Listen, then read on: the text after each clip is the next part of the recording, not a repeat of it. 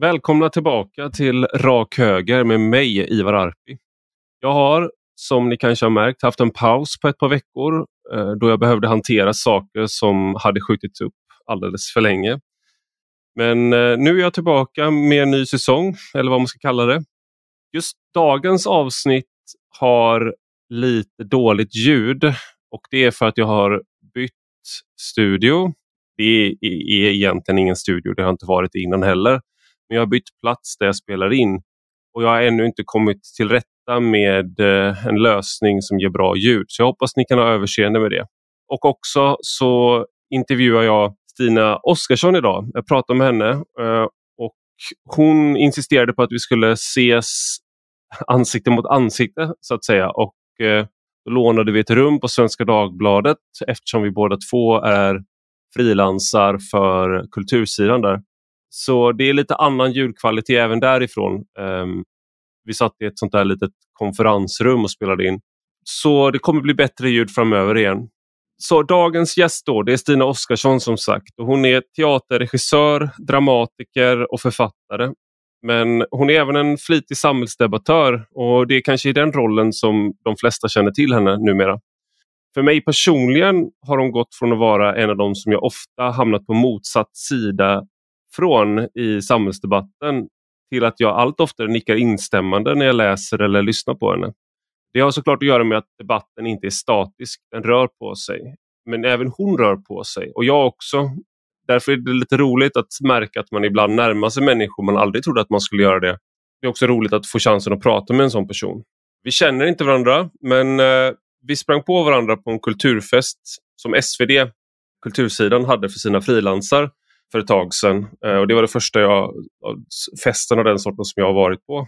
Och sen var hon även moderator för en intensiv debatt om migration som jag deltog i, eh, i eh, tidigare i vinter.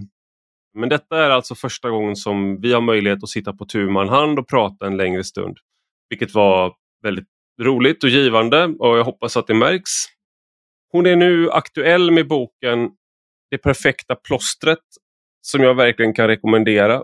Många gånger när man får böcker skickade till sig som man kanske ska göra någonting på så stålsätter man sig för man tänker att det kanske kommer vara dåligt men att man ändå måste prata om den. Och den, den här boken tänkte jag kanske skulle vara mycket, jag vet inte vad jag tänkte, men den var i alla fall väldigt bra och eh, otroligt poetisk samtidigt som den är relevant jag rekommenderar verkligen boken. Vi kommer prata om den i podden också så jag ska inte förekomma här innan. Men vi pratar också om hennes uppmärksammade intervju med vår socialdemokratiska kulturminister Jeanette Gustafsdotter.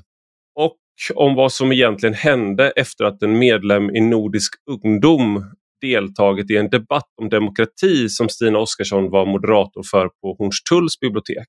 Jag ska också säga att jag och Stina Oskarsson spelade in det här innan invasionen av Ukraina inleddes. Så det är därför vi inte pratar eh, någonting tror jag om det.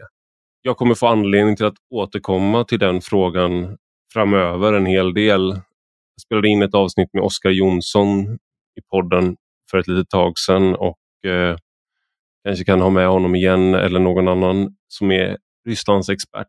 Men det här avsnittet handlar inte om det, vilket kan se lite konstigt ut. Men som sagt, det spelades in innan invasionen. Nu till dagens gäst. Du lyssnar på Rak Höger med mig, Ivar Arpi.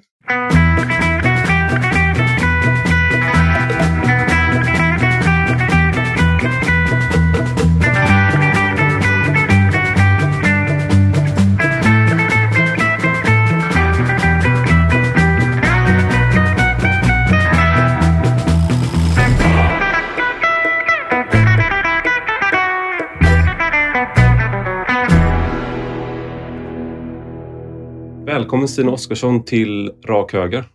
Tack så mycket. Jättekul att ha dig här, men här idag är alltså inte på distans eh, utan vi är på Svenska Dagbladet. Eh, men eh, vi behövde bli insläppta för jag har inte längre passerkort. Men du är ju mångårig medarbetare på Svenska Dagbladets kultursida. Men passerkort har jag inte. Nej, så vi har behövt bli insläppta idag och sitter i ett seminarierum och det är första gången som jag spelar in på plats med, med podden. Eh, så du, du, har, du har ynnesten att vara först ut med att vara face to face med mig. Är det mm. inte, känns det stort? Ja, ja, jag vet inte riktigt. Det var väl för att jag krävde det helt enkelt. Ja, precis. Jag tänkte vi skulle komma in på varför du krävde det. För jag tycker, du har ju skrivit en bok som jag tycker då, det, det hänger lite ihop med varför du kräver det, tror jag. Jag ska fråga dig om det.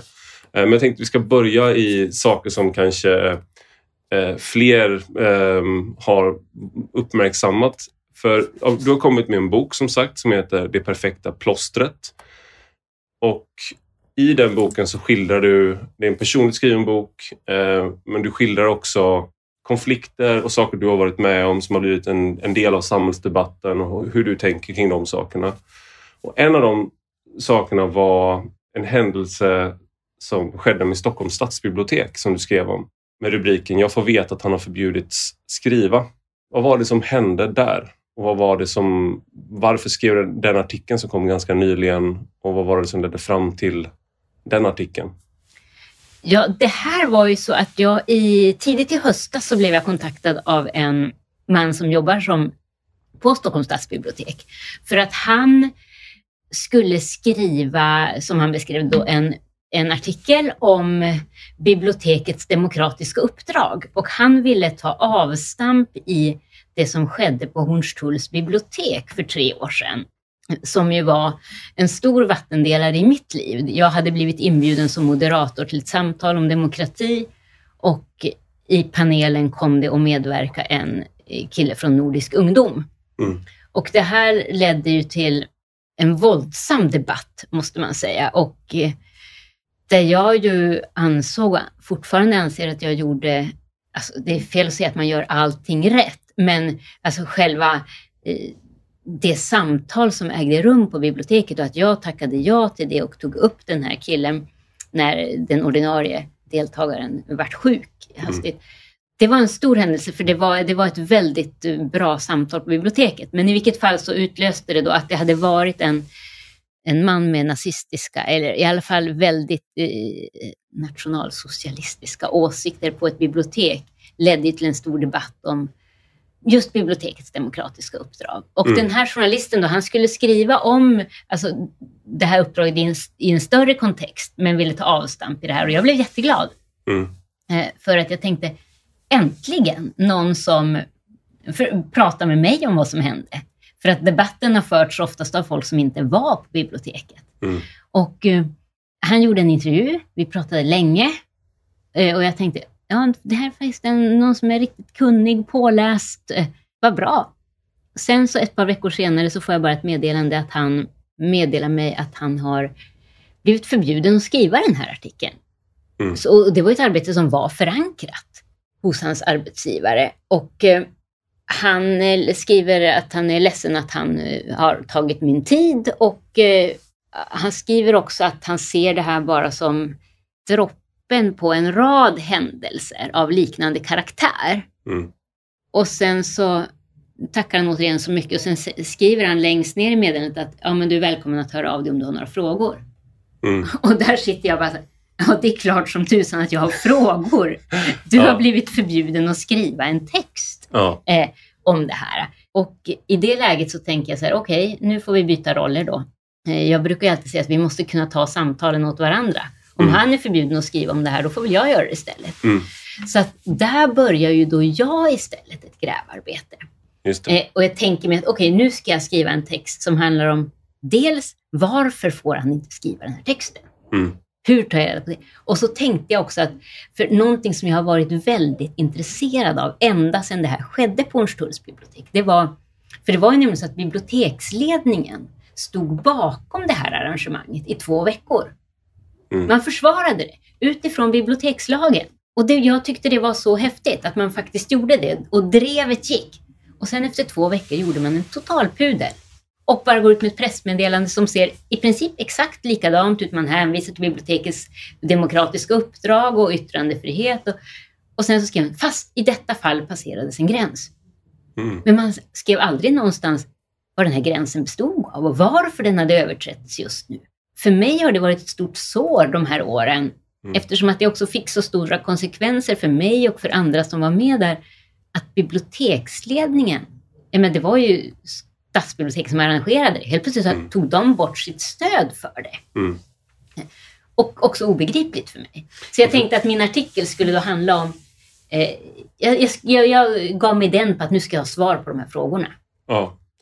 Tanken eh, var att när din artikel kom så skulle den här podden ungefär släppas samtidigt. Sen så var det sjukdom och andra saker som hände så vi spelar in det nu. Men e- en sak som var lustigt här var att vi började prata om den här artikeln innan den var skriven för att jag började också skriva, eller skulle börja skriva för att han, bibliotekarien, hade ju pratat med mig. Jag var ute och gick med, med barnvagn och hade all tid i världen. Eh, sådär. Eh, så vi pratade en och en halv timme eller något sånt där. Och mitt intryck var ju att han var kritisk mot mina, alltså han ställde kritiska frågor till mig. Det var inte så att det var någon medhåll eller sådär åt något, något håll egentligen. Utan han ville ha reda på vad jag tänkte och ställde kritiska frågor. Och jag fick resonera och han kom med resonemang. Så det var, det kändes som att han, ja, han skulle prata med flera olika som tyckte olika sa han. Och sen fick jag då också det här mejlet där han sa att ja, eh, det blir ingen rapport. När jag sa att jag hade pratat med dig, när jag nämnde ditt namn, så la de locket på. Så ja, okej, men har de, har de sett någonting från den här rapporten? Har de, vet de några av dina slutsatser? Har de sett resonemang? Nej, nej, de är inte intresserade av det. Rapporten är inställd innan liksom, den är färdigställd. Så det var bara liksom, mitt namn, enligt honom, då, fick dem att dra eh, i nödbromsen. Jag hade ett personligt intresse av den här artikeln för jag tyckte att det var väldigt intressant att, eh, att ta del av dina, hur, hur du liksom pratar med de här människorna. Men du pratar med eh, hans chef, Anna Våglund på eh, Stockholms stadsbibliotek. Och hon säger så här. Eh, allt sedan Hornstull-debaclet pågår en process som är mycket skör. Det var därför de bedömde att det inte var rätt läge att skriva något. Det är du som skriver det här. Då. Eh, och hon säger det är en så stor fråga och inget som, de, inget som vi kan reda ut med en artikel. Det där tänkte jag att du, jag gärna skulle höra din tanke om. För att här hade de då pratat med dig, de hade pratat med mig, de hade pratat med flera andra. Men om man inte klarar av att skriva en rapport om en fråga, vad är det man är rädd för då så att säga? Alltså jag tror så här, för att jag gjorde ett ganska stort grävjobb i samband med det här. Jag pratade med många bibliotekarier. Pratade även då med biblioteksledningen och även med liksom ledningen för Stadshuset här och, och sådär. Alltså min tolkning är väl egentligen så här att alltså vi lever idag i ett väldigt polariserat samhälle. Och det avspeglas ju naturligtvis även bland de som arbetar på ett bibliotek så finns det människor med väldigt olika åsikter. Av naturliga skäl. Det är en stor arbetsplats om vi tittar på alla bibliotek. Och det polariserade samhället, det syns ju även på golvet på biblioteket. Alltså vilka människor som söker sig till biblioteket har ju delvis gett biblioteken en ny roll kan man säga i samhället. Ja, men det finns få rum dit du kan eh, gå och låna böcker gratis. Ja, men där är biblioteket, men att där du överhuvudtaget kan gå in Mm. utan pengar idag.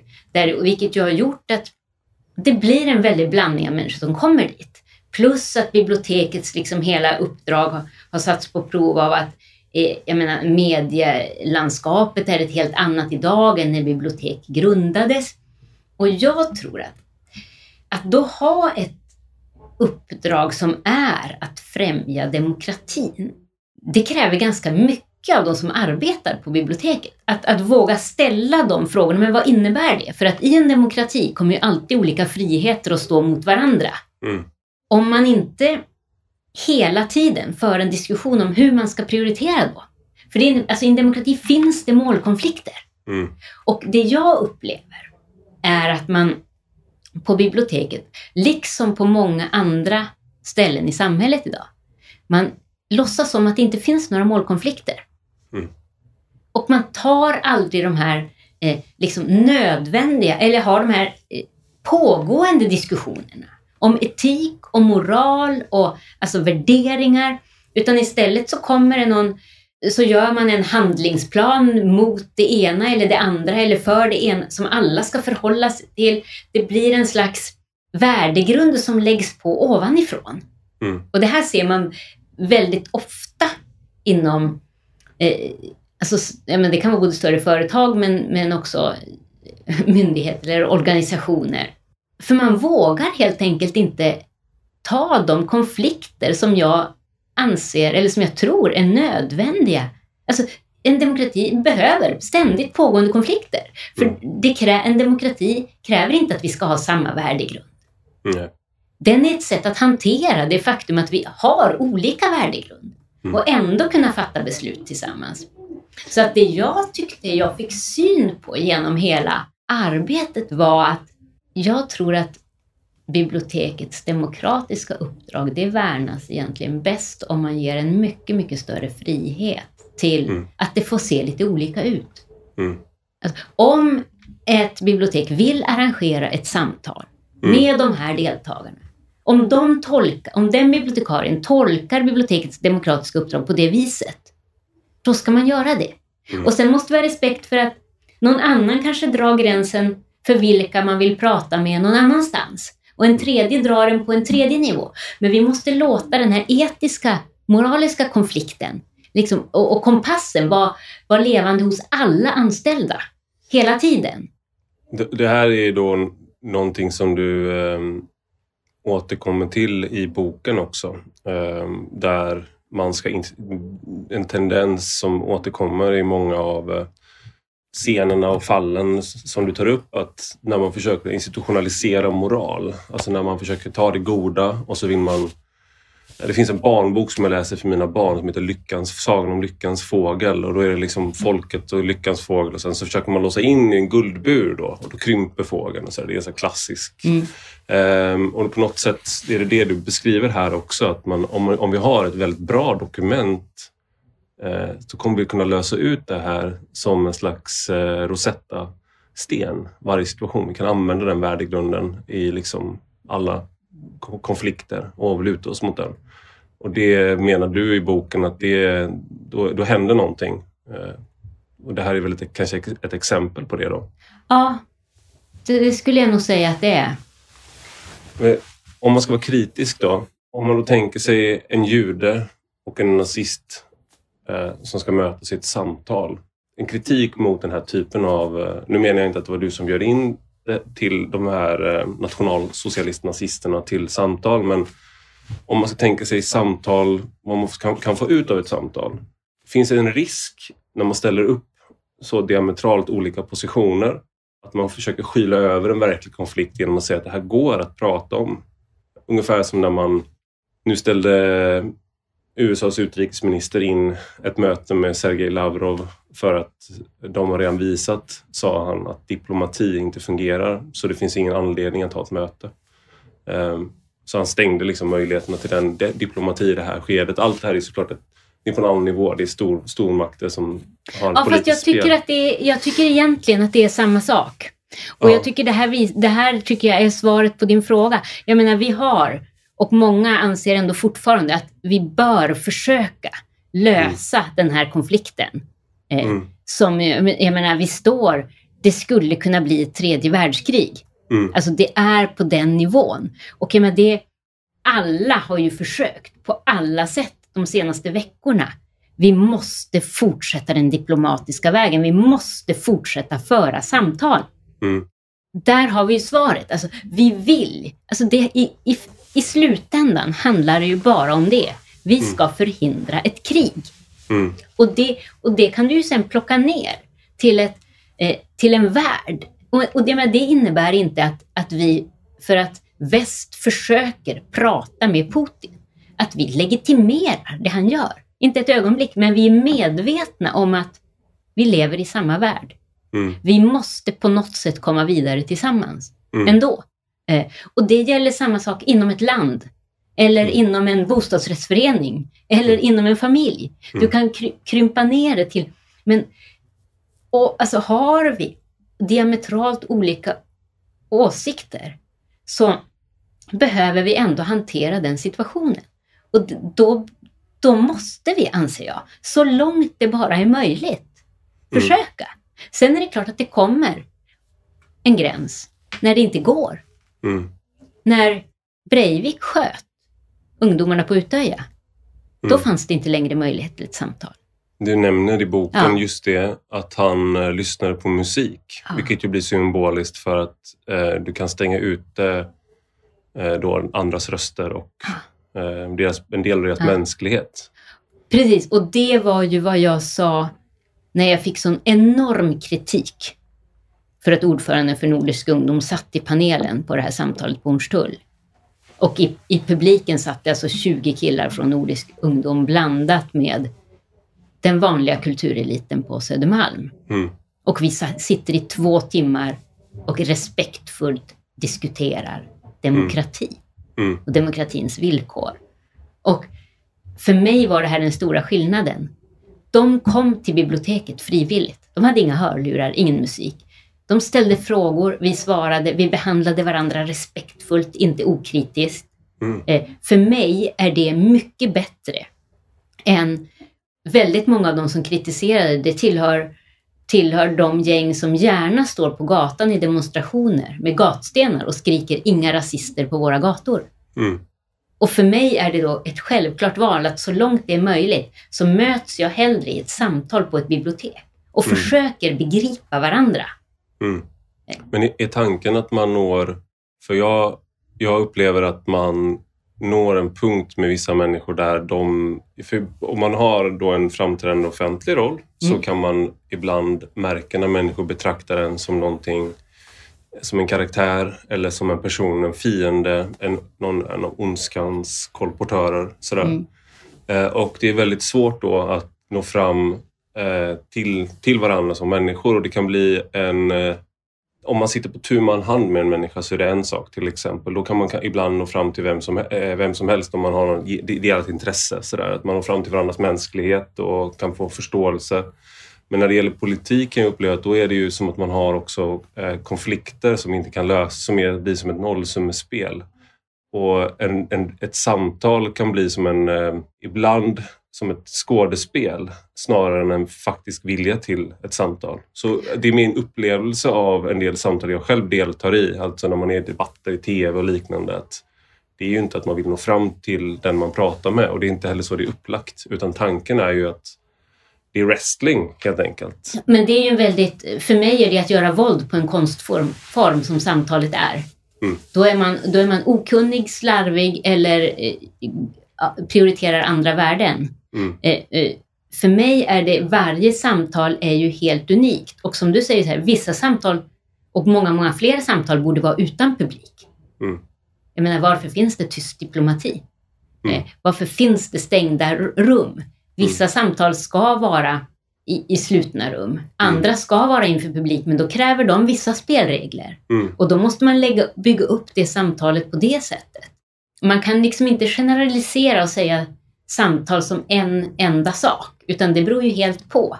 Mm. Eh, vilka det är som möts, hur liksom omständigheterna i kring ser ut. Mm. Finns det en publik, finns det inte en publik? Mm. Också skilja på ett samtal och en debatt som har olika syften. Just det. Men sen är jag, vänder jag mig starkt emot det här som bara blir någon slags uppvisning i motsatta åsikter. För det har ju ingenting med någon slags verklig vilja till möte eller att göra. Jag är inte någon skarp public service-kritiker, men det är lustigt för att om man kollar på hur man pratar om eh, allt media som det kallas, de här poddarna som jag, min podd är en del av. Om, om man kollar på den sortens eh, nya poddar som inte är, tillhör något mediehus eh, men utan snarare beroende av sin publik men inte av en särskild plattform. Eh, Joe Rogan är ett känt exempel då, som har varit väldigt aktuellt nu. Om man jämför de, de samtalen som kommer till stånd där, där man kan prata som du och jag gör nu till exempel utan att det är någon ska klippas för reklam eller att man måste hoppa vidare till nästa fråga och jämför det med de debatter och de samtal som hålls i public service så tycker jag nästan alltid att eh, SVT och Sveriges Radio eh, de bidrar nästan aldrig till att kasta ljus utan de bidrar till att det blir mer hetta. Eh, det de vill ha det är eh, skarpa konflikter Eh, och om man inte ställer upp på det i församtalen, då vill de inte alltid ha en. För att man måste ha en tydlig position och du måste vara tydlig, tydligt emot eh, någonting eller den andra. Du kan inte vara för förstående till exempel eller bara nej, nej, jag, jag ser det som att jag kompletterar med ett annat perspektiv. Då vill de inte ha en. Samtidigt då som deras honnörsord är eh, att de ska främja demokrati, att de är viktiga för det demokratiska samtalet och få fram och många gånger så upplever jag att det är precis tvärtom. Om man skulle ta bort flera av de där debattprogrammen i, eh, och den här typen av eh, liksom hur de tänker demokratiskt, eh, då tror jag att man skulle minska polariseringen. Jag tycker att public service många gånger bidrar till en polarisering.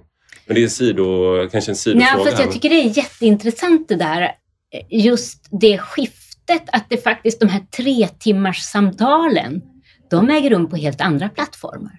Mm. Fast vi har public service som ska vara helt oberoende av marknadens, det kommersiellas villkor. Det är ju där vi borde ha de tre timmars långa debatterna. Mm. Tycker jag. Igen, alltså, eller tycker jag, jag, egentligen tycker jag inte, men eh, jag, jag tänker att där borde ju förutsättningarna finnas. Men min erfarenhet är ju att det finns ju ingenstans man är så besatt av tittar och lyssnarsiffror som inom public service. Nej. Och, och det också att det ska gå snabbt. Ja. Så jag har, haft, jag haft, jag arbetat ja. med folk därifrån och det är så här, du, ja. du, kan bara spela in en podd på en kvart. Sen tappar folk intresset. Och det där tycker jag, men det är ju djupt sorgligt för att det är ju en människosyn. Mm. Att man inte tror folket om mer. Nej. Än att man orkar, eh, att, politiker får 15 sekunder eller två minuter. Många säger, två minuter i TV är ju enormt mycket tid. Mm. Men, ge en politiker två timmar att svara på frågan så kanske vi kommer någonstans. Mm. Medan eh, Lita på folket gör ju alla de här andra eh, alternativa poddarna mm. idag. När man bara håller på. Just det. Och man ser ju att eh, många vill lyssna. Ja. Många söker fördjupning. Jag eh, har ju, podden har blivit längre och längre här. Kära lyssnare, om det är någon som tycker att det blir för långt så får ni gärna, gärna höra av er och säga det. Men det har i alla fall inte skett en minskning av lyssning eh, vad jag har sett. Utan tvärtom har det ökning, lyssningen ökat för mig samtidigt som samtalen har blivit längre. Så det, jag har inte märkt av någon avtrappning. Jag har inga avbrott heller. Jag tänkte apropå politiker, jag tänkte att jag skulle komma in på... Du gjorde en väldigt uppmärksammad eh, intervju med kulturministern. Eh, och hon är demokratiminister också. Jag, det, jag har märkt nu att det, det heter faktiskt, hon kallas tydligen inte demokratiminister längre fast hon har ansvar för demokratifrågor. Okej. Okay. Det var i själva titeln förut. Eh, även, så. Hon heter, hon heter eh, jag ska säga, hon heter Jeanette Gustavsdotter. Mm. Eh, och det som var väldigt tydligt där var att hon upprepade, apropå att ge folk eh, mer tid, så kan man ju tänka sig att det här kanske är en... Eh, hur det gick i den här intervjun. Jag, bör, jag börjar i fel ände, ursäkta. Så här. Någonting som många återkommer till var att hon gav väldigt eh, klyschiga svar och det kändes som slogans och eh, det var väldigt, hon rabblade liksom fraser och du försökte i intervjun komma vidare eh, och skrapa på ytan och du gjorde väl egentligen någonting som många eh, vill göra eh, men det kan vara svårt att göra, det är att du stannade kvar i en fråga och inte gick vidare och det skapar en väldigt tråkig stämning med den du pratar med eh, och det är därför det är väldigt mänskligt att man vill låta den andra slippa undan. Liksom. Men du gjorde inte det utan du ville att de skulle vidareutveckla. Och någonting som många reflekterade över var just att det inte gick riktigt att komma vidare. Jag tänkte höra nu när, när du liksom utvärderar då intervjun, hur, varför tror du inte gick att komma vidare i många av frågorna? Ja, alltså, egentligen gjorde jag ju bara det som var varje journalists uh, uppdrag. Jag, jag gav mig inte. Alltså, så jag, kräv, jag ville ha svar på mina frågor. Och jag, jag tolkar det så här att jag ser, och det tror jag också har att göra med den enorma spridning som texten sen fick, var för att det här är inte ett problem som bara gäller kulturministern. Utan det är ett mycket större problem som gäller hela politiken. Mm. Och det är att partierna idag har i så stor utsträckning förvandlats till varumärken som i högre grad orienterar sig efter opinionen än utifrån en ideologisk kompass. Mm. Vilket gör företrädarna väldigt, väldigt rädda för att svara på riktigt. För då kan man ju trampa fel. Mm. För det gör man lätt i ett samtal. eller Mm. i en intervju.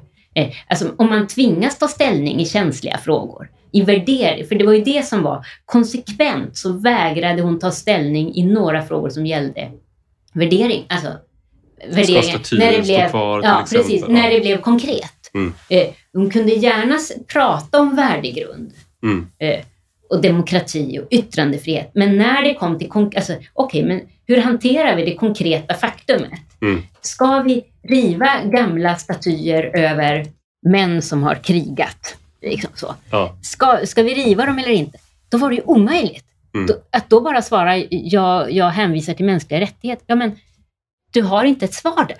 Men jag tolkar det som att det är rädsla faktiskt för att ta ställning. För att, eh, och, och det säger mer egentligen om vart politiken har hamnat idag än om vår kulturminister specifikt. För det är lätt att bli eh, sadistisk här eh, i att man, eller vad man vill kalla det, skadeglad, kanske ett bättre ord, i att gud vad kul, uh, vilket lustmord. Men då missar man kanske då att förmodligen är inte Jeanette Gustafsdotter korkad. Hon är nog ganska smart som har kommit dit där hon är och i konkurrens med andra. Hon har säkert Mm. gjort saker som många uppfattar som bra. Men det är som du säger att det blir hon, I många andra intervjuer så hade det säkert, hade det säkert gått bra. Jo, nej, men det, och det är det som var så sorgligt. Mm. Eh, att för det allra, allra mesta så klarar sig folk. Klarar Mm. sig våra politiker med det där. Och det Mm. var ju det som vart uppenbart i den här. Mm. Att, eh, och jag, jag, det är många som har sagt att vilket lustmord. Men jag var väldigt olustig när jag gick därifrån. Mm. Alltså som medborgare, som människa, som kulturarbetare. Mm. Sen, alltså som lekandes politisk journalist, så är det klart att jag hade jättekul. Ja, ja. Eh, Då är det en fjäder i hatten såklart. Ja, men, men inte, alltså jag är djupt sorgsen. Mm. Du berättar i din bok eh, också om ett möte med en riksdagsledamot eh, från samma parti som eh, kulturministern från Socialdemokraterna som du träffar. Eh, och du undrar varför man inte pratar mer om värdegrund och vad det faktiskt betyder eh, och liksom vad, varför det är, så, det är så tekniskt och praktiskt och söka där och de pengarna där och sådär. Och hon- det, här var ju, alltså, det här var ju precis i samband med eh, alltså coronans utbrott. Mm. Det var då vi sågs och, och då sa jag att och jag är så stolt över att Sverige har valt den här vägen. Alltså, Mm. ni, tror, alltså, ni tror på människan. Eh, Mm. Det är inga förbud. Utan ni, och jag, jag, säger så, jag, för första gången känner jag stolthet över att vara svensk. Och jag, jag undrar bara varför ni inte pratar mer om vilken värdegrund det här bygger på eh, säger jag. Istället för att bara, vi, vi har liksom Stefan Löfven som säger åt oss att tvätta händerna. Eh, Mm. Jag tror att ni skulle eh, faktiskt kunna liksom förklara lite av vad, vad socialdemokratin står för. Mm. Och det är då hon säger det där som du... Ja, precis. Att hon inte tror att det finns någon koppling bakåt till den ideologiska grund eh, som byggde landet, säger hon. Nej, alltså, så hon menar på att, och hon är då riksdagsledamot, hon menar på att det jag ser, eller Mm. tror mig se, Mm. jag, jag tänker att helt plötsligt så tror jag att jag har förstått socialdemokratins själ. Mm. Just det. Och så säger hon bara, ja det är nog bara det att det är nog inte det som är grunden till varför man gör som man gör nu. Nej, just det. Och det var så, jag blev så ledsen. Ja. Sen insåg, har jag väl sett efteråt att jag tror snarare att det var så här att man litar på att, alltså vi har en så stark skamkultur i Sverige. Så att folk som gör fel Mm. Kommer vi att, att alltså, skamma ut. Just det. Folk som inte källsorterar. eh, Ja, och ja, och i det här fallet folk som inte höll avstånd Ja. i kön Exakt. på ICA eller folk som inte gjorde sti eller så Mm. eh, kommer vi att skamma ut. Och det har ju vi sett, det funkar väldigt bra. Ja, det sitter i ryggmärgen på, på många av oss. Nej, men jag tror att sen, apropå just den där, inte längre någon koppling till den där värdegrunden, och även till din förra fråga där, men alltså apropå att faktiskt bygga sin politik på en ideologisk grund. Jag tror att alltså den stora ögonöppnaren där kom väl egentligen hösten 2015 med Mm. när det gick så fort. Mm. När det på ett par månader från att vi hade en statsminister som står och säger att i mitt Sverige bygger vi inga murar. Mm. Mitt Europa tror jag han Mitt sa. Europa. Ja. Ja. Och sen märker man att man inte har opinionen med sig på Mm. den politiken. Och på tre månader har hela asylpolitiken gjort en kovändning. Mm. Och man låtsas som ingenting. Mm. Som att allt man har pratat om tidigare bara var, inte har funnits. Mm. Och man byter alltså helt värdegrund. Mm. Eller eh, vad, vad jag nu ska kalla Man byter politik utan att tala om att, vilket skifte det här är. Och det mm. tycker jag det, alltså, det är få liksom politiska händelser som har skrämt mig så mycket. För det gör en ju väldigt osäker. Det var samma för mig skulle jag säga. Även om vi, vi hade pratat då kanske vi hade haft eh, olika ingångar men det, jag tyckte det var väldigt obehagligt. Eh, då satt jag här i, i huset och jobbade på ledarsidan och eh, det var väldigt svårt att få gehör för positioner som jag höll, men eh, hade. Och sen gick det tre veckor, jag satt i en debatt i Sveriges mm. Radio till exempel med Anders Lindberg som också sitter här i huset. Eh, och då anklagade han mig i princip för att vara fascist i, i radio eller på ledarsidan. Eh, han, och sen tre veckor senare så gjorde regeringen det jag hade sagt. Eh, eller liknande. Men jag, min position förändrades aldrig. I, sådär. Men eh, det var väldigt... Att bara ligga liksom någon, en centimeter före så att säga i diskussionerna om vad man kunde göra eh, kostade på väldigt mycket. Och alla sprang åt samma håll och sen bytte alla håll, som du säger. Eh, jag hade liksom en utfrågning eh, liksom på, här på Svenska Dagbladet också där jag som ny då, nyanställd eh, var det stormöte och så fick jag liksom en, en utfrågning om liksom en journalist som skulle lära känna oss på ledarredaktionen där och förhörde mig om min värdegrund. Så jag stod liksom, 80 journalister står eller vad det var eh, och förhörde mig om att jag har en dålig människosyn.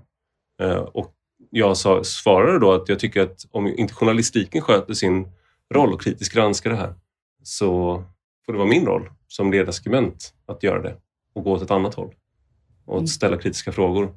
Den stämningen då var väldigt märklig överlag i Sverige. Ja, nej men alltså, och jag tror att det här skapar en mycket, mycket större osäkerhet än vad man... Alltså det här tror jag kostar på en demokrati för att det, det skapar en sån osäkerhet på våra politiska företrädare och en rädsla för vad... För att om man vet att någon är förankrad i en värdegrund, då kan ju även katastrofer inträffa. Mm. Men man vet att det finns någonting som man kommer att orientera... Alltså det finns ett moraliskt rättesnöre som man mm. kommer att agera utifrån. Mm. Det här gör mig mycket mera rädd idag, alltså så här, i förhållande till det, det, det, vi ser nu som sker i vår omvärld. Mm. Jag har inte längre någon aning om hur våra politiska företrädare kommer att agera vid en kris. Ja. För jag vet att, att eh, kappan kan vända väldigt, väldigt snabbt. Mm. Eh.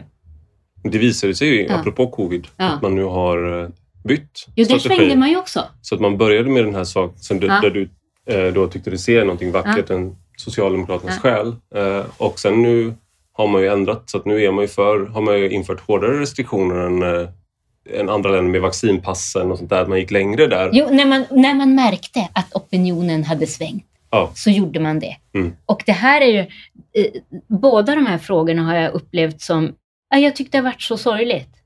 Där jag verkligen har stått bakom någonting först och trott mig se en koppling mm. till en värdegrund och sen bara försvinner det. Jag tänkte jag ska försöka karaktärisera din bok med några få ord. Jag försöka mm. eh, så att man, eh, vi, för eftersom du har skrivit den, jag tycker den här boken är, är väldigt bra och av en slump så har jag läst eh, en del böcker på senare tid som eh, jag anar ekon av i din bok. Även om du, liksom, jag säger inte att du har, du har läst samma böcker men liknande teman. Men jag tänker för att lyssnarna ska få en känsla för boken så att de, de får, jag tycker de ska läsa boken Det perfekta plåstret men om de ännu inte har läst den så eh, ska jag försöka mig på att säga den, hur den är. Och det är en väldigt poetisk bok. Eh, den är skriven med samma radbrytning som prosadikter ofta är. Så det är väldigt koncisa liksom, beskrivningar och du rör dig från fall till fall, händelse till händelse, plats till plats. Och du träffar människor överallt och återger eh, deras samtal, dina samtal med dem och deras samtal med varandra. Eh, situationer. Och du träffar de här människorna. Det är man, man lär känna de här människorna, liksom deras personligheter, öden, känslor med några få ord. Vilket alla som skriver vet att det är väldigt svårt. Eh, och temat skulle jag säga då, det är människor som har fastnat mellan springor som har klämts i stora systemets sprickor, eh, som blivit över när tidsandan dragit vidare. Nu glömmer jag av det här ordet för eh, japanska konsten där man fyller i sprickor i lerkärl med guld. Kintsugi. Kintsugi. Och det är ju, är ju en, eh, ett tema i boken skulle jag säga, där du befinner dig i dem. Eh, det är det du gör med boken skulle man kunna säga. Och jag uppfattar det som att det du försöker göra och det jag tycker du gör eh, är att du försöker då att göra mänskliga rättigheter i praktiken med de här... Eh, det, det återkommer det här med att varje människa ska vara ett ändamål i sig själv. Man ska inte vara ett medel för andra. Det är så här jag uppfattar din röda tråd i boken. Och det, jag tycker alltid att det är lite jobbigt när folk försöker sammanfatta som jag just gjorde med dig. Så tycker du att jag gjorde våld på dig nu eller har, har liksom försökt trycka in dig i en liten låda? Eh, hör du hemma i den lådan där jag försökte trycka in dig nu? Eller har du eh, någonting att säga till ditt försvar? Det var, det var mycket som var fint i din beskrivning, men jag vänder mig mot en formulering och det är Ja. när du säger att jag försöker göra mänskliga rättigheter. Jag ska säga att jag försöker inte göra, för det låter lite som att jag har att jag träffar de här människorna för att jag ska skriva en bok. Ja, det låter Och, så. Ja. och det gör jag ju överhuvudtaget inte, utan jag, jag är inte författare och jag är inte journalist heller. Jag försöker leva mitt liv. Men i livet så möter man en massa människor. Det, man, eh, man hamnar på platser, det uppstår situationer, det uppstår samtal Mm. och som jag bara försöker hantera. Mm. Och ibland i tillvaron, och det är väl de jag har sparat, så uppstår en slags, jag skulle kalla det så här, Roy Anderssonska moments. Mm. Alltså, när, när det liksom bara blir för, alltså, det är som en situation som säger mycket mer än situationen i sig. Mm. När man är i ett sånt där läge när man i princip inte vill leva längre. Och jag, jag var i Mora och tänkte att jag måste gå in i kyrkan. Och så kommer jag till kyrkan och så är porten låst och det enda som finns på kyrkogården är en stor skylt där det står varning arg fiskmås. Alltså, jag bara Det är väldigt Roy och det blir bara så här. Och jag bara brister ju ut. Alltså, från att, alltså jag brister bara ut i gapskratt. Ja. För det är liksom bara så här, vad är det här för tecken? Mm. Och ja, men den typen, eller som den här beskrivningen jag har av första maj. Mm. När första maj-tåget kommer och jag har bestämt mig för att okej, det här är första året jag inte ens ska försöka demonstrera. Mm. För att jag, jag har alltid velat, öns, längtat efter att kunna tillhöra en grupp. Och, Mm. Men jag har aldrig lyckats liksom gå och ropa slagord. Så jag okej, jag ska glömma bort att det är första maj. Jag ska Mm. ut ur stan. Och så lyckas jag bli fördröjd av ett samtal så jag i princip krockar med sossarnas tåg när de kommer här, Kungsgatan och ska svänga Mm. Vasagatan mot Norra Bantorget. Så kommer tätklubben där och vad ingen har då märkt innan är att, eller de, de har märkt det men de försöker låtsas som det inte har hänt. Det är alltså utanför pressklubben så står det alltså parkerat en sån här gigantisk avloppsrengöringsbil Mm.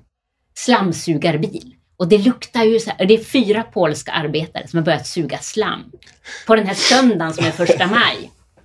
Och alltså, Ja. Det bara luktar så, ja, som det gör av såna här. Ja. Och där kommer liksom tätklungan i sossarnas tåg. Och där står liksom tusentals människor med rosor och ballonger. Alla försöker dölja att de håller för näsan. Mm. Och det är bara så här, alltså vad, vad är det som... Och alla försöker låtsas som att ingenting, att allt är som vanligt. Mm. Fast alla vet att det inte är det. Just det. Och det där blev ju bara så, eh, jag, kunde, jag var ju tvungen att liksom bara av sympati med alla gå och lyssna på talen ändå. Just det. För, Ja, grund av nej, lukten. men den typen av Ja. ögonblick, det är ju det som jag har tecknat ner i den här boken. Så att det, det är ju ett ganska... Och, och det här är, såna här bilder har jag samlat på, jag hade över 500 stycken Mm. i flera år. Och sen liksom kastade jag ut alla de här bilderna och försökte se, men vad tecknar det här för bild av Sverige? Mm. Av vår tid? Så att det är ju det är ju inte så att jag försöker gå ut och vara någon, göra några mänskliga, alltså, eh, mänskliga rättigheter direkt. Jag eh, håller med dig och tycker att det är bra eh, eh, kritik mot min sammanfattning. Jag ska försvara varför jag skrev så, eller varför jag sa så menar jag. Och det är att mänskliga rättigheter kom upp eh, i, i, så här, i intervjun med kulturministern och det kommer också upp då i, bibliotek, så här, i samband med biblioteken. Och, eh, man, de här fina orden så att säga. Det och, finns och ju det här ja. att du, du tar upp en scen i, i boken i relation till hemlösa och tiggare som du träffar ett antal i boken eh, och pratar med. Och eh, man får, man får höra deras reflektioner kring eh, olika saker och då tar du upp just det här att i Schweiz så har man eh, kriminaliserat tiggeri men att de hade fällts för det eh, och av Europadomstolen så man fick inte eh, kriminalisera tiggeri då. Eh, och då skriver du vad händer i ett land där man institutionaliserar det mellan, mellanmänskliga? Och det var lite det jag försökte så här, komma åt här då att vi kan säga mänskliga rättigheter, vi kan säga yttrandefrihet, vi kan säga alla de här sakerna. Men vad händer med kloaklukten då? Alltså vad, vad är det som händer när vi, med de människorna som det ska gälla? Om vi har sagt de där mm. orden. Och de mm. människorna träffar du i boken. Eh, många av dem. Det är tiggare, papperslösa, eh, hemlösa eh, och andra också såklart. Men det, det, så att säga, det är de ofta de här högtidsorden handlar om. Men de är liksom inte med i diskussionen om det. Nej, det, finns ju en jätte, det finns ju en scen som just heter mänskliga rättigheter. Mm. Det var i Kungsträdgården där när eh, Raoul Wallenberg Academy hade en utställning om, om mer om mänskliga rättigheter. Det var så här 30 stora stålkuber där en rättighet stod på varje. Mm. Och så jättefin estetisk utställning i Kungsträdgården. Mm. Där just den här blandningen av människor är. Mm. Och så sitter en man på en bänk där med en kasse öl. Och, eh, jag, jag sätter mig bredvid på bänken där och så, så tittar han på de här kuberna. Ja, fina ord, sa han. Ja, så är det fina ord. Ja, språk är viktigt, sa han. Ja, så, jo, språk är viktigt. Så. Men ord är inte magiska, sa. Nej, så, nej, nej, nej. Och så kom det en, eh, och så precis då så kommer en, eh, en skolklass dit.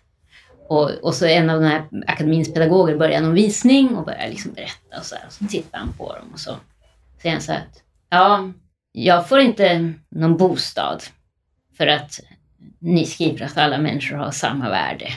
Mm. Jag får inte någon mat på bordet för att ni präntar in i alla ungarna att alla människor har lika rättigheter.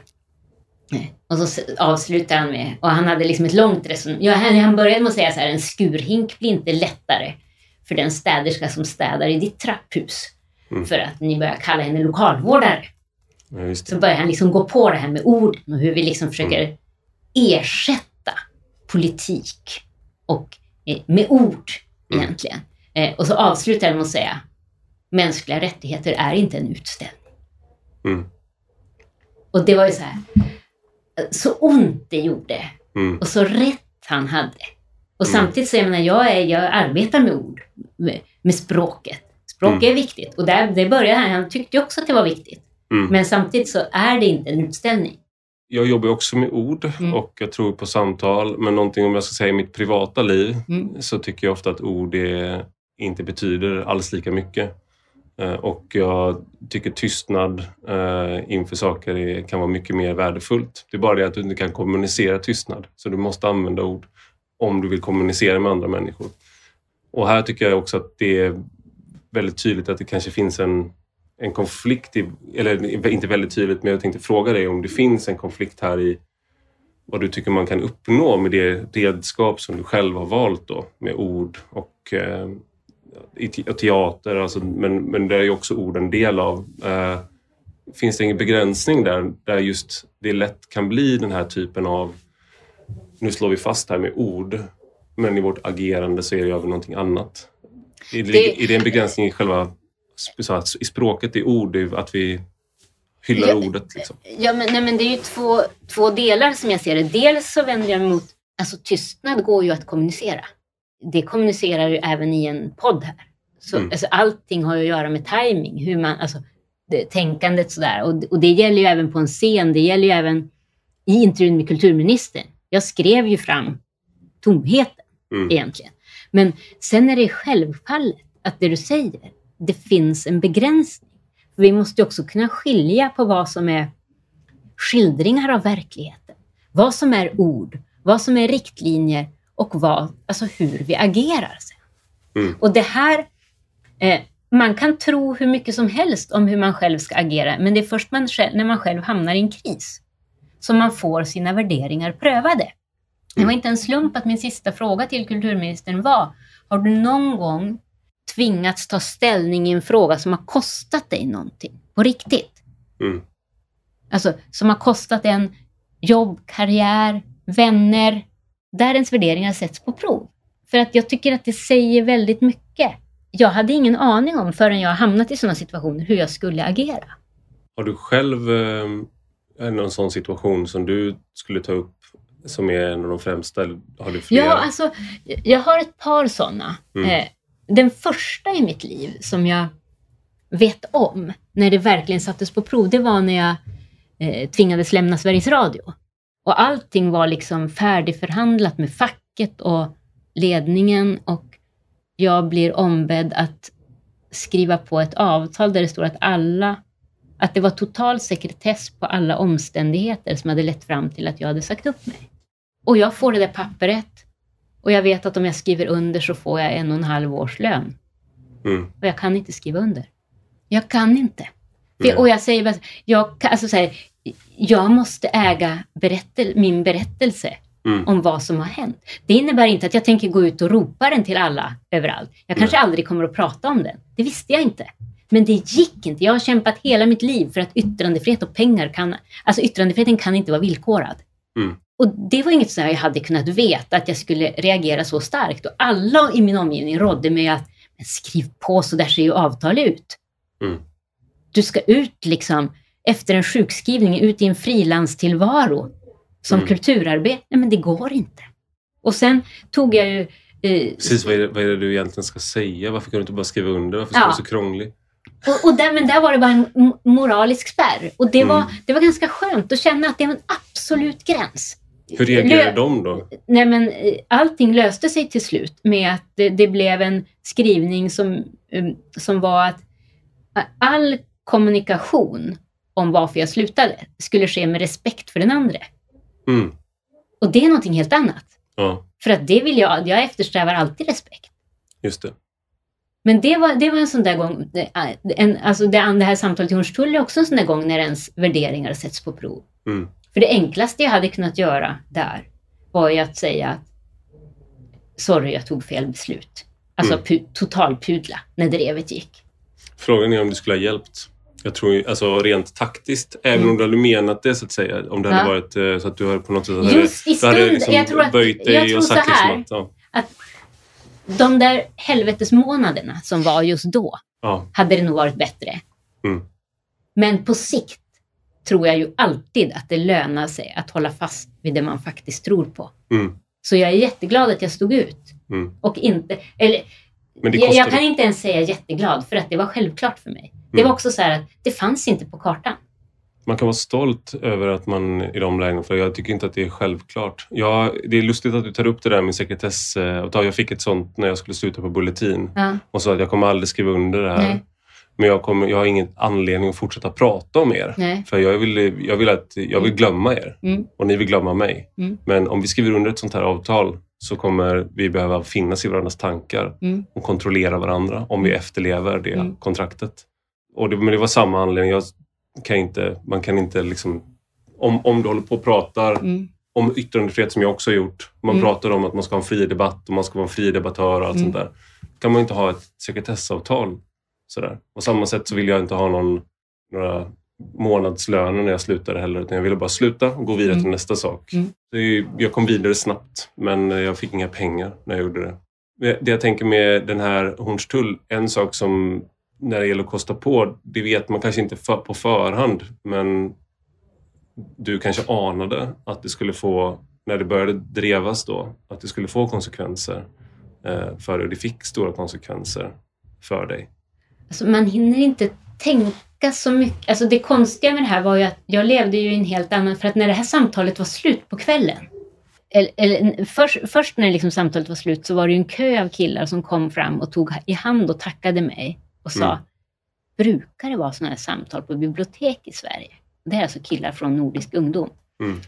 Eh, jag har aldrig varit på ett bibliotek förut, sa de. Och tar i hand och tackar. Mm. Och jag tvingas säga att nej, det är inte så ofta, tror jag, som det är sådana här samtal på bibliotek. Och sen vet jag att jag satt på scenkanten där och jag nästan grät, för jag tyckte det var så stort, det som hade mm. hänt. Och jag sa till Åseberg att, vet du, om det här är möjligt, då tror jag vi kan förhindra ett krig.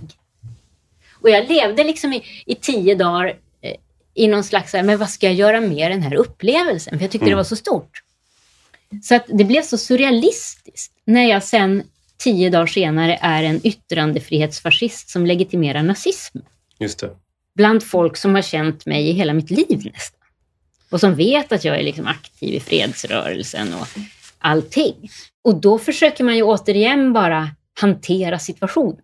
Mm. Alltså, den här frågan om man har varit med om någonting som, som mm. påverkar en sådär, det är ju också att man... Eh, jag tänker ofta på den här ehm, eh, scenen med Jesus när han, eh, det kommer en rik man till Jesus och eh, frågar okej, okay, jag, jag, tror på Gud nu. Så här, vad ska jag göra? Och så får han eh, saker han ska göra av Jesus. Han kommer helt enkelt tillbaka och lyckats. Då. Och sen till sist så säger han, du är rik, ge bort din rikedom till fattiga. Och då klarar han inte av det. Eh, och då säger Jesus då att det är lättare för en, en kamel att komma igenom en, eh, ett nålsöga än för en rik man att komma till himlen. Och det där kan man tolka på olika sätt. Men man, man kan, om man tar bort det här med pengar och eh, egendom så är det någonting som är kännbart för en själv. Eh, och när man ställs inför det, eh, någonting som man är stolt över, någonting som är viktigt för en. Och det är först när man, det är det som utmanar som man får ett, ett prov. Det vill säga, det är inte det är inte disciplin för någon som älskar att träna, att gå och träna. Kanske disciplin att avstå träna i så fall. Och på samma sätt om du då ställs inför hur, hur skulle det vara att sluta skriva för någonting du tror på? Hur skulle det vara, alltså någonting som skulle kosta mycket? Och du var ju nära, på ett sätt kan man ju se det som att du var nära med att bli av med det som du vill ägna dig åt. Nu har du inte blivit det, men eh, så att säga, du blev ju fråntagen många uppdrag. Du, var, du, var, du höll ju på att förlora saker på grund av någonting du trodde på. Nej, men där är vi ju inne på det, du, det du, som föranledde hela den, här liksom, den, den diskussionen. Det som handlar om glappet mellan ord och verklighet. Att det är ju först när man, hur man agerar i verkligheten som det visar sig om ord, orden betyder någonting. Mm. Och där, men därmed är ju inte orden oviktiga. De, de är viktiga, men de är inte ens, alltså ord och handling tillsammans är ju mm. det som kan göra skillnad. Varför kan man inte institutionalisera det mellanmänskliga? Är det, är det inte bra att vi har deklarationer för mänskliga rättigheter, vi, har, eh, vi pratar om demokrati, vi pratar om alla de här orden. Har vi inte, är inte det bättre än att inte göra det? Har vi inte lyckats institutionalisera det goda då? Eh, när jag skriver eh, alltså den där frågan, vad mm. händer i ett land när man institutionaliserar det mellanmänskliga? Så är det egentligen det jag syftar på då, det är alltså den största insikten jag fick av de månader jag tillbringade i och kring Klara kyrka med människorna där. Eller började liksom i kön för bröd utanför kyrkan. Det var för när jag började det arbetet så var jag helt övertygad om att, jag kommer att eh, efter det här ställa mig på barrikaden och säga bidragen måste höjas. Mm. Stärk välfärdssystemet. Mm. Och de svar jag fick var helt annorlunda. Mm. För att människor vittnade om den förnedring det är att gå till socialen, att man måste bevisa att man är tillräckligt sjuk, tillräckligt fattig, tillräckligt hungrig för att få en bit bröd eller pengar till glasögon eller vad det nu än är. Eh, och då var det en, en kväll, det var, det skulle vara, eh, kyrkan skulle vara nattöppen så människor skulle sova där. Och, eh, jag sitter och pratar med, med en av prästerna och de börjar, volontärer börjar kasta ner madrasser från, mm. Eh, från liksom läktarna ner på, i altargången. Mm. Och helt plötsligt så kommer vi in på, vi börjar prata om Karl-Bertil Jonssons julafton och helt plötsligt så får jag den här, alltså en sån stark känsla om vad det är som har gått snett. För det är som att jag inser att alla människorna, som, alla volontärer som jobbar i kyrkan den här kvällen, de gör det bara för att de vill vara där. Mm. Alltså inte för att de är goda människor, inte för någonting annat. Men de står där och handgripligen kastar ner madrasserna, kokar kaffe till andra medmänniskor som mm. behöver just nu. Och den kopplingen, och så började jag tänka på när, att Mona, när Mona Sahlin sa det ska vara sexigt att betala skatt. Mm. Och på något sätt så tror jag hon var den sista som försökte påminna om det. Mm. Att hela välfärdssystemet är ett sätt att försöka just institutionalisera mm det mellanmänskliga. Alltså, man, man säger så här, okej, okay, alla ska få ta del av samhällets goda. Alltså är alla med och betalar och så skapar vi ett system och så delar vi ut det till alla. Man skalar upp godheten, formaliserar den. Men, och det är en jättevacker tanke. Och det skriver jag ju också när, när jag kommenterar liksom folkhemstalet från 28. Att Mm. Det var ett vackert försök. Mm. Det jag tror att man missade, och härmed inte sagt att vi ska avskaffa välfärdssystemet, det är inte alls det jag säger. Men det jag har insett är att det finns en baksida. Eller det finns åtminstone två baksidor. Och det ena är, det som, upp, det som jag upplevde där i kyrkan var att alltså, vi människor är ganska dåliga på abstrakt tänkande. Vi tappar den där kopplingen mellan, okej okay, jag betalar skatt dit, det tar en myndighet hand om och delar ut det till det. Eh, vi, vi köper, vi kan betala lite pengar till Röda Korset och känna oss lite som goda människor. Men vi, det är någonting av det här mellanmänskliga som går förlorat. Mm. Alltså, vi någonstans betalar för att slippa se samhällets alla delar. Mm. Och vi hamnar längre och längre från varandra. Men jag tror vi behöver kontakten med att vi faktiskt behöver varandra. För det kan vara jag som står där nästa gång. Alltså så är någonting liksom av det här mellanmänskliga som går förlorat i och med institutionaliseringen. Och sen är, måste vi också komma ihåg att hur mycket vi än försöker skala upp det här och se till att alla, alla, alla ska få ta del av det, så tvingas man ju i sådana här system att skapa kriterier. Alltså, hur sjuk ska du vara för att få sjukförsäkring? Hur hungrig ska du vara för att få det? Hur lite pengar ska du ha? Och då kommer det alltid att vara människor som faller mellan stolarna. Mm. Vi kommer aldrig att kunna ha ett heltäckande system. Det går inte. Och det var väl det andra som, som slog mig där. Att det, så fort vi börjar kategorisera människor, då faller folk emellan. Mm. För att varje människa är en individ. Det, det, här är ju också en uppdelning som man har gjort ofta mellan eh, som fat, deserving poor och undeserving poor på engelska. Och när du inför de här kriterierna och mycket i den svenska välfärden är uppbyggt kring att alla får barnbidrag, alla mm. får, du har mm. generell välfärd så mm. du ska inte, behöver inte göra det förtjänt av olika saker. Mm. Medan de, de, här som då måste gå och få eh, bevisa att de är behövande, just som du är inne på, att det bygger på en känsla av förnedring. Men det där kan även uppstå i förhållande mellan eh, vänner om man har olika ekonomisk... Eh, jag har en god vän som eh, hamnar i ekonomiska bekymmer ganska återkommande. Eh, och då kan man ju se det som att vi har, vi har börjat på ungefär samma punkt så att säga. Eh, på vissa sätt har han haft det bättre eh, än vad jag har haft det från början då när vi liksom flyttade hemifrån. Men nu har han ju hamnat där och då kan man ju antingen använda då att okay, men varför gjorde du inte de här sakerna tidigare? Varför gick du inte eh, klart gymnasiet i tid? Varför eh, gick du inte på universitetet sen som jag gjorde? Varför Eh, gjorde du inte det här? Varför arbetar du inte med det här? Och varför arbetar du inte mer på det arbetet du har nu? Eh, när han frågar mig om ett, om ett lån till exempel. Eh, och, men då gör jag egentligen samma sak i så fall. Att jag skulle dela upp vänner i deserving friends och undeserving friends. Och han ska då egentligen in, komma in med en behovsansökan till sin vän för att få det här lånet. Så jag har som princip då att, man inte, att om en vän frågar om ett lån beroende på såklart vad man har för ekonomisk situation själv och vilken summa det är. Eh, så no questions asked så kan man ge. Liksom. Jag, jag, tror att det finns någonting i det som är svårt att sen höja upp för det är ju en nära vän till mig. Nej, och Det där är ju också ett, ett uttryck för en människosyn och en moral. Jag agerar exakt likadant. För jag kan inte värdera hur du har levt ditt liv. Nej. Alltså, och för mig är det en självklarhet om du inte har liksom tagit en utbildning eller gjort, säger jag som inte har någon utbildning, men, men gjort annat som gör att, att du inte har pengar just nu. Alltså, jag kan inte döma dina val. Du är i den här situationen nu, det är den vi kan agera utifrån. Mm. Eh, för jag vet hur svårt det är att vara människa. Mm. Att tro att, liksom, att det ska vara så enkelt att göra rätt, det är ju... Det, det är lite som att ställa frågan, varför är du inte en annan människa? Det är ju det. Och det är det, det som många upplever som måste gå till socialen. Mm. Ja, men vadå, du är väl smart? Varför har du inte gjort så här och det här och det här? Mm. Det är många människor som är smarta. Jag menar, säg åt en missbrukare att sluta dricka. Eller en mm. rökare att sluta röka. Det handlar inte om att man inte vet att det är skadligt. Man, alltså, vi människor gör saker som vi, inte vet, som vi vet inte är bra för oss. Mm. För att det är det som är att vara människa.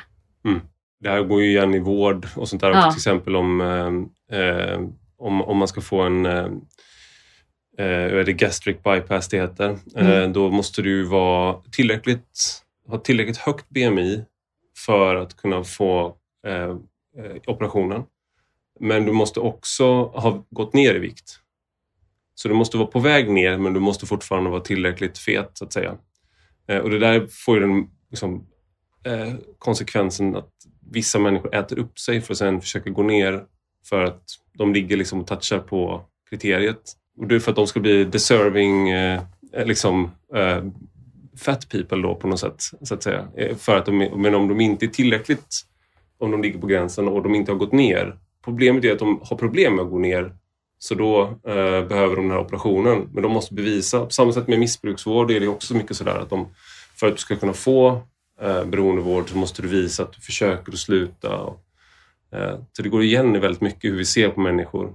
Ja, som att vi vore maskiner, tekniska. Och hade det varit så enkelt, då hade det varit ganska lätt att organisera ett samhälle. Men vi är, då, eh, det, det, Vi är dåliga på att ta hänsyn Mm. till, till det mänskliga i uppbyggnaden av samhället, skulle jag säga. mm, Alltså det är som att den parametern aldrig finns med. Att vi är ganska irrationella, vi är ganska dumma, vi är inkonsekventa. men har goda avsikter Ja, ganska ofta. Väldigt ofta, vi vill, och de flesta vill gillar, väl. Ja, Gillar andra människor Ja. när de eh, tycks gilla oss. ja, Eh, och när de inte gillar oss så kan vi bli väldigt hårda. Men jag, jag tänker det här med, med det du säger att vi ska behandlas som maskiner. Vi, vi behandlar ju varandra som eh, dåliga robotar. Alltså vi har skapat, vi, vi, jag tror det är, finns en eh, Substack eh, eh, publikation som heter The Convivial Society som kommer från eh, han har tagit namnet eh, från en bok av Ivan Illich som heter Tools of Conviviality. Men då skriver han i alla fall på eh, The Convivial Society just att människor, vi har byggt en värld för människor men ju mer vi bygger världen för människor ju mer måste vi göra om oss själva för att passa in i den världen. Så successivt så blir vi, vi har liksom asfalterat, vi har gjort allting, vi, så här, men vi har allt svårare att passa in i den världen vi har skapat för oss själva. Och då att vi, vi blir som robotar, men vi är ju dåliga robotar. För att vi har alla de här tjänsterna som du sa, Mm. då är vi ju misslyckade robotar. Så om vi då har en arbetsvecka på 40 timmar och så är det någon som är trött eller någon som så eh, ser vi är det som ett sjuk. misslyckande. Ett misslyckande.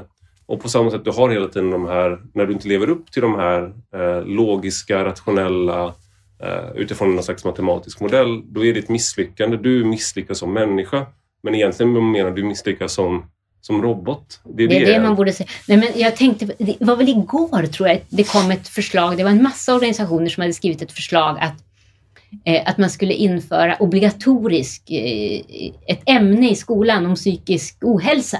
Mm.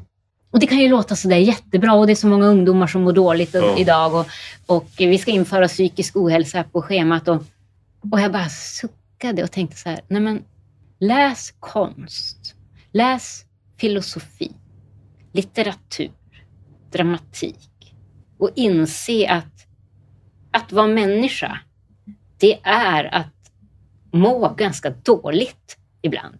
Mm. Det är väldigt, väldigt svårt. Det är att vara arg, ledsen, sorg, djupt sorgsen, förtvivlad och eh, vansinnigt lycklig ibland. Läs liksom filosofi så du hittar Du menar liksom... att man har ett maniskt skov? Det är det Ja, du menar när du ja. säger lycklig? Ja, Man har ett nej, skov, nej ett men det, det händer ibland. Ja. alltså, men det är inget som är för evigt. Nej. Eh, Jag menar att vi, vi har någon slags bild av att livet ska vara någonting annat. Mm. Och det går så långt så att vi måste liksom lära alltså, Vi ska ha ett ämne som är psykisk ohälsa. Jag menar, läs historia, läs, eh, Mm. hitta liksom eh, eh, moraliska förebilder i historien så du vet hur du kan hantera situationer. Eh, det var som min, en av mina yogalärare sa, det bästa sättet att må, må riktigt dåligt är att bara fokusera på sitt eget mående. Mm. Det var, det, det var min första tanke när jag hörde det där om det där ämnet. Ska man liksom än, bli ännu bättre uppmärksam på tidiga tecken på om man mår dåligt? Mm. Alltså engagera dig i någonting istället. Därmed inte sagt att det, alltså det finns folk som verkligen behöver hjälp. Såklart. Ja, men såklart. Men det, det, vi är det finns besatta en, av att... Vår kultur är också att man professionaliserar de här sakerna. Mm. Så att om du mår, du, när du tar upp konst och kultur så kanske det låter, o- ett, kanske någon skulle kunna säga att det är oseriöst för att eh, det man behöver är ju vetenskap. Det där är inte vetenskap. Men vi har liksom professionaliserat vårt mående också. Så att om någon känner Eh, negativa känslor så har vi psykologiska termer för det. och det är liksom en del av en kultur, hur vår kultur har förändrats också. Att man, eh, vi vänder oss inåt så att vi mediterar på och vi ska liksom läsa av alla våra känslor och det är en väg framåt anser man. Nu finns det folk som får må bra av meditation. Jag blev bara arg, eh, förvirrad och tyckte liksom att det var, det var fel. Och det är den här tanken att man ska vända sig kulturen vänder sig, vår kultur vänder sig allt mer inåt och hitta begrepp för det. Istället för att tänka då att är du deprimerad? Okej, men gå och var volontär på Klara kyrka då. Även om man inte ska vara så instrumentell att du gör det för ditt eget måendes skull. Men du skulle kunna ha den effekten om någon Absolut. sa det. Ja, men för det, men det, samtidigt får... så vänder jag mig emot att det skulle vara så att typ så här, volontärarbete, fan, men, men okej, okay, fine. Det är bättre att vara instrumentell i det avseendet. Det kanske, det kanske du ska lösa genom att du vänder dig mot äh, människor i din närhet på något sätt. Men Än att du går och pratar med en terapeut en timme extra i veckan. Hitta ett engagemang som ligger utanför sig själv. Mm. Det är det smartaste. Att vara en del av världen. För då får man också en kunskap om att det finns andra människor också som har det så här. Eller på andra sätt. Eh, och då kan man dela det. Och för att när du sa så här, jag menar, eh, skulle säga att det var oseriöst att liksom vända sig till konsten eller sådär. När vi har psykiatri. Eh, ja, men, ja, men så här, vetenskapen. Men det är ju också det att vi måste acceptera. En stor del av det här är ju att vi inte kan acceptera att det inte finns svar. Nej, du mm. kanske inte vet varför du mår dåligt. Ingen kommer att veta det. Stå ut. Mm. Alltså, eh, det är ju som Nina säger i Måsen, i Tjechovs Måsen, att och det är i slutet av pjäsen, då säger hon, för hon har ju liksom drömt hela sitt liv om att bli en berömd skådespelerska. Och så säger hon att först nu förstår jag att den där berömmelsen jag drömde om, det var inte det som var målet. Utan det viktigaste är att lära sig förmågan att uthärda. Att mm. uthärda och ha tillit. Och det kan ju låta hårt, men, men, men det, är en sån, det är en sån sann och det är en sån nyckelmening. Mm. Och det, det, är ganska vackert, att förmågan att uthärda. Det är inte att sänka sina anspråk på livet, det är att, att ha ganska höga anspråk. Mm. Att förmås uthärda.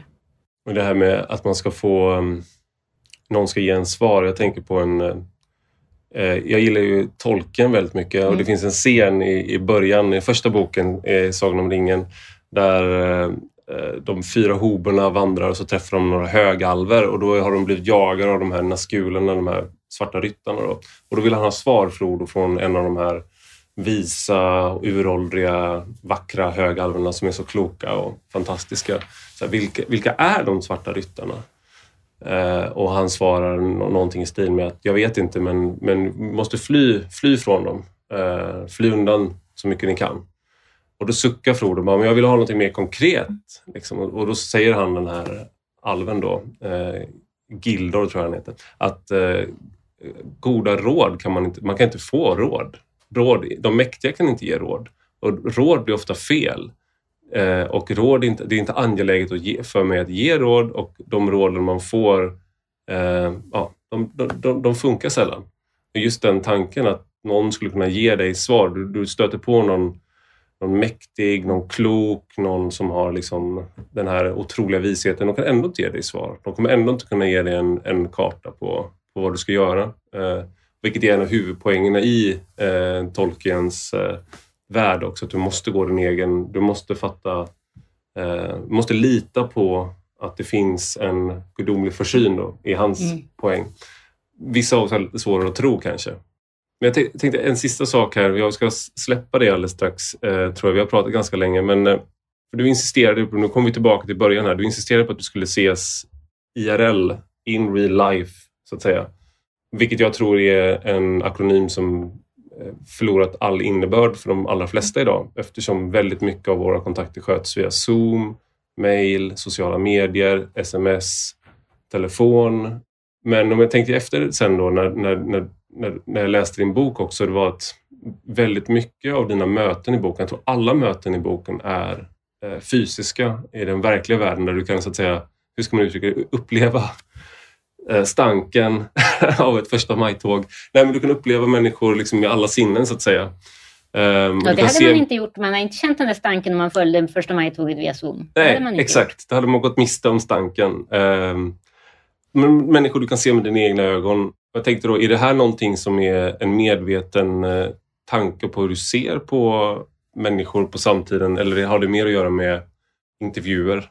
Nej, eh, absolut. Jag skulle säga att det har att göra med att jag, jag värdesätter samtalet och mötet med andra människor väldigt mycket. Eh, alltså jag ser, alltså samtal är svårt. Det är en slags konst. Att kunna förstå varandra. Alltså det, det vet vi att det är svårt. Och då vill jag, jag menar jag, jag kan tänka så här att jag, jag menar jag är, jag är skolad klassisk eh, instrumentalist, kontrabasist i grunden. Vore jag liksom så här eh, konsertviolinist och skulle, jag ägde en Stradivarius och så säger de så här, ja men kom till, du ska spela liksom eh, stor symfoni på Konserthuset. Du kan låna våran, om du inte vill släppa dit ditt eget instrument så kan du låna din, en, en lånefiol från kommunala musikskolan. Mm. Så slipper du släpa. Jag skulle ju aldrig göra det. För jag vet att kvaliteten skulle bli så vansinnigt mycket sämre. Mm. Och för mig är samtals... Alltså, jag behöver tillgång till hela mitt instrument om mm. jag ska kunna föra ett samtal. Och det gäller vare sig det nu är en poddinspelning, en debatt eller ett vanligt arbetsmöte. Mm. Men vi pratade om tystnad tidigare. Alltså vi människor är ju inte bara ett huvud. Vi avläser ju varandra. På mm. så många, och att då medvetet bygga in en försämring, som jag menar att det blir. Det finns ord, det finns saker som vi bara kan säga när vi sitter i samma rum. Det finns saker som vi aldrig skulle uttrycka oss på det sättet om vi sitter i samma rum. Det är liksom något fin, finkalibrerat. Mm. Så att jag, jag vill liksom ge det den eh, vikten. Mm. Jag, jag tycker att eh, det är någonting som eh, har gått förlorat här vad gäller de här sakerna att den här världen, så att säga, om vi pratade om bibliotek förut, att den fysiska världen betyder mindre och mindre för oss. Jag tänkte på det när jag det, det, det, sker på många sätt med digitalisering. Jag tänkte på det, jag behövde skotta i 90 minuter i, i förrgår när det var snöstorm för att vi skulle få en ICA-leverans eh, och eh, det fanns inga som kunde ploga eh, där vi var. Så då fick jag skotta i 90 minuter i snöstormen och tyckte bara att det var härligt. Tycker det är kul att använda kroppen så här. men då tänkte jag på det att det här är ju liksom en, det är ingen som sa till mig att göra det här Eh, och det är någonting jag, jag, en funktion jag faktiskt fyller här. Sen så dagen efter så kunde plogbilen komma och gjorde det jag hade gjort på 90 minuter på 10 minuter. Eh, så det jag gjorde var ju på något sätt liksom det jag kan göra är värdelöst i det avseendet. Och vi, men vi hittar hela tiden de här lösningar som ersätter de funktioner vi, vi, har. Vi hittar de här tekniska hjälpmedlen för att... Eh, och då är det inte så att den andra världen finns kvar. Det är inte så att människor går till bibliotek och lånar böcker eh, om du, bara för att du själv vill sluta med att handla allting på Amazon till exempel. Eller människor träffas och pratar som vi gör nu bara för att du själv vill börja göra det i större utsträckning. Eh, utan den världen är borta. Jag tänkte också på det när jag var på Kebnekaise vid två tillfällen 2012 vid fjällstationen eh, 2012 och 2016. 2012 när, när människor är fyllda av endorfiner och kommer fram dit så är det liksom eh, alla pratar, man pratade med främlingar. Det var jättegemytlig stämning för alla vill liksom dela sina, jaha, ni gick där och så där, berätta om vad de har sett, kanske visa en bild eller sådär. 2016 så hade de skaffat trådlöst wifi. Så det var ingen som pratade med varandra längre. Alla satt med sina telefoner istället. Och då är det så här, även om du själv vill koppla bort telefonen så är ju den världen borta då, när du har gjort det där. Så att även om man då är Stina Oskarsson och vill träffa människor så var ju jag lite jobbig om jag inte minns fel. Att jag, ja, men kan, inte, kan, vi inte, kan vi inte göra det? Det blir bra ändå. Och så där. så att även om man då vill träffa människor och prata så vill färre och färre tycker man, de kanske tycker att man är besvärlig då. Nu tycker jag inte att du var besvärlig. Eh, kanske blir lite sämre, sämre ljud eller något sånt där. Men, eh, för jag inte har någon studio. Men eh, vad tänker du om det? Det är bara en reflektion, det är inte en fråga. Nej men det, det har du rätt i. Att det är klart att att det blir ensammare även utanför eh, tekniken på det sättet. Men jag upplever ändå att det är väldigt många som fortfarande värdesätter. Och jag tror att det där kommer bara vara en pendelrörelse. För att all, alla pendlar blir extrema åt ett håll och sen vänder det tillbaka. Sen märker man att det är något man saknar. Så att jag, jag tror att det kommer att komma tillbaka faktiskt. Jag ska använda ord du själv har sagt emot dig nu. Nej, men du skriver i boken att eh, vi har förlorat stjärnorna då. Och för att vi runt, jag tror det är 80 procent i USA i alla fall. Men vi lever i så starkt upplysta områden att vi inte kan se stjärnhimlen längre. Och då sitter du i ett väntrum och du läser i tidningen Doktorn om att detta skapar ohälsa. Vilket då läkemedelsbolagen ska åtgärda. Och då skriver du, jag undrar om ett litet piller, om det så innehöll alla de rätta hormonerna, skulle kunna ersätta de tankar som kan tänkas och de samtal som kan utspelas i mörkret under en stjärnhimmel. Och då tänker jag, den där pendelrörelsen fortsätter ju bara mot... Just nu så skickar Elon Musk med SpaceX som skickar upp tusentals satelliter som lyser så starkt att man kommer kunna se dem med blotta ögat. Det vill säga, vi kommer inte veta om det är stjärnor eller satelliter vi ser. Den, hur, hur slår den pendelrörelsen tillbaka då? Det är, liksom, det är väldigt dystopiskt i alla fall. Jag hoppas att det är så som du säger, men risken är väl att det går för långt åt ett annat håll. Ja, men samtidigt så, så finns det ju någon rörelse att folk söker sig mer och mer ut i naturen idag. Mm. Och, eh, och det finns ju en anledning till det. Mm. Eh, folk söker sig bort mer från storstäder idag än vad man gjorde förr. Kanske för att man upplever att det är någonting man saknar. Mm. Men det var ju så typiskt just med den där liksom lilla texten i doktorn. Att man, man tror, för jag tänkte ju då på, på liksom första gången jag stod där, liksom, jag och min bror, vi var kanske tio år och stod liksom under en riktig kolsvart stjärnhimmel med liksom bara upplyst av stjärnor. Det var första gången där som vi började säga, har himlen inget slut? Är det sant? Mm. Alltså, det var där man säger, var kommer vi ifrån? Vart är vi på väg? Mm. Alltså de där frågorna som man bara kan ställa där. Och tro att, att vi inte har några stjärnhimlar nu skulle kunna ersättas av något lite hormonpiller. Mm. För att ställa till rätta ljusbalansen. Det är ju otroligt naivt. Det är apropå teknisk syn på människan. Ja. Jag tror det var i, i Inferno. Ja. Så är eh, Dantes eh, berättare, eller personer, berättaren i, i Inferno eh, tar det som en självklarhet att man kan navigera med stjärnorna. Sen återger bara, när han navigerar med stjärnorna, då stod jag så han liksom, hur, när han vrider på sig så vet han alltid var han är.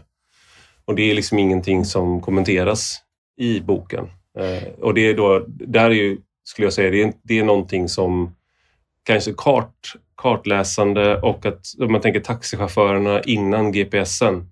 Det kommer vara som en, det är som en sån eh, talang som eh, färre och färre har men som kanske då inte behövde kommenteras nämnvärt för att så många hade den. Absolut. Ja, men jag, apropå det här med pendelrörelse, jag, jag tycker ändå att, eller så jag tror ändå att alltså det mänskliga i, i oss är så pass starkt att vi kommer en dag att och, alltså, samtidigt är vår nyfikenhet så stark att vi vill liksom driva utvecklingen så långt det går. Vi måste liksom här, fortsätta testa klyva atomer så långt att vi liksom uppfinner kärnvapen. Mm. Och till slut så kommer vi till en punkt när okay, allt vi kan göra kanske vi inte ska göra. Mm. Jag menar, nu har vi liksom, det har varit en stor debatt om skönhetsoperationer. Mm. Och sånt där. Och helt plötsligt är det så här, var och varannan håller på att liksom fixa till sig. Eh, eh, och som Lena Andersson skrev i någon text här, att det, är liksom så här, det här är modernitetens krona. Liksom, så här, vi ska göra oss befriade från vårt öde och liksom bli vårt rätta jag. Och, mm. Till följd av att alla ser likadana ut. Mm. Och jag tänker att alla sådana här pendlar, vi måste liksom driva dem till max till att komma på att det kanske inte var en så himla bra idé. Mm. Stort tack Stina Oskarsson för att du var med i Rak Höger. Tack så mycket. Frågan är om den där högen var så rak. Högerkrok. Ja. Och stort tack till dig som har lyssnat.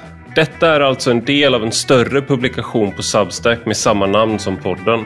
Den som prenumererar där får två texter i veckan utöver den här podden varje söndag.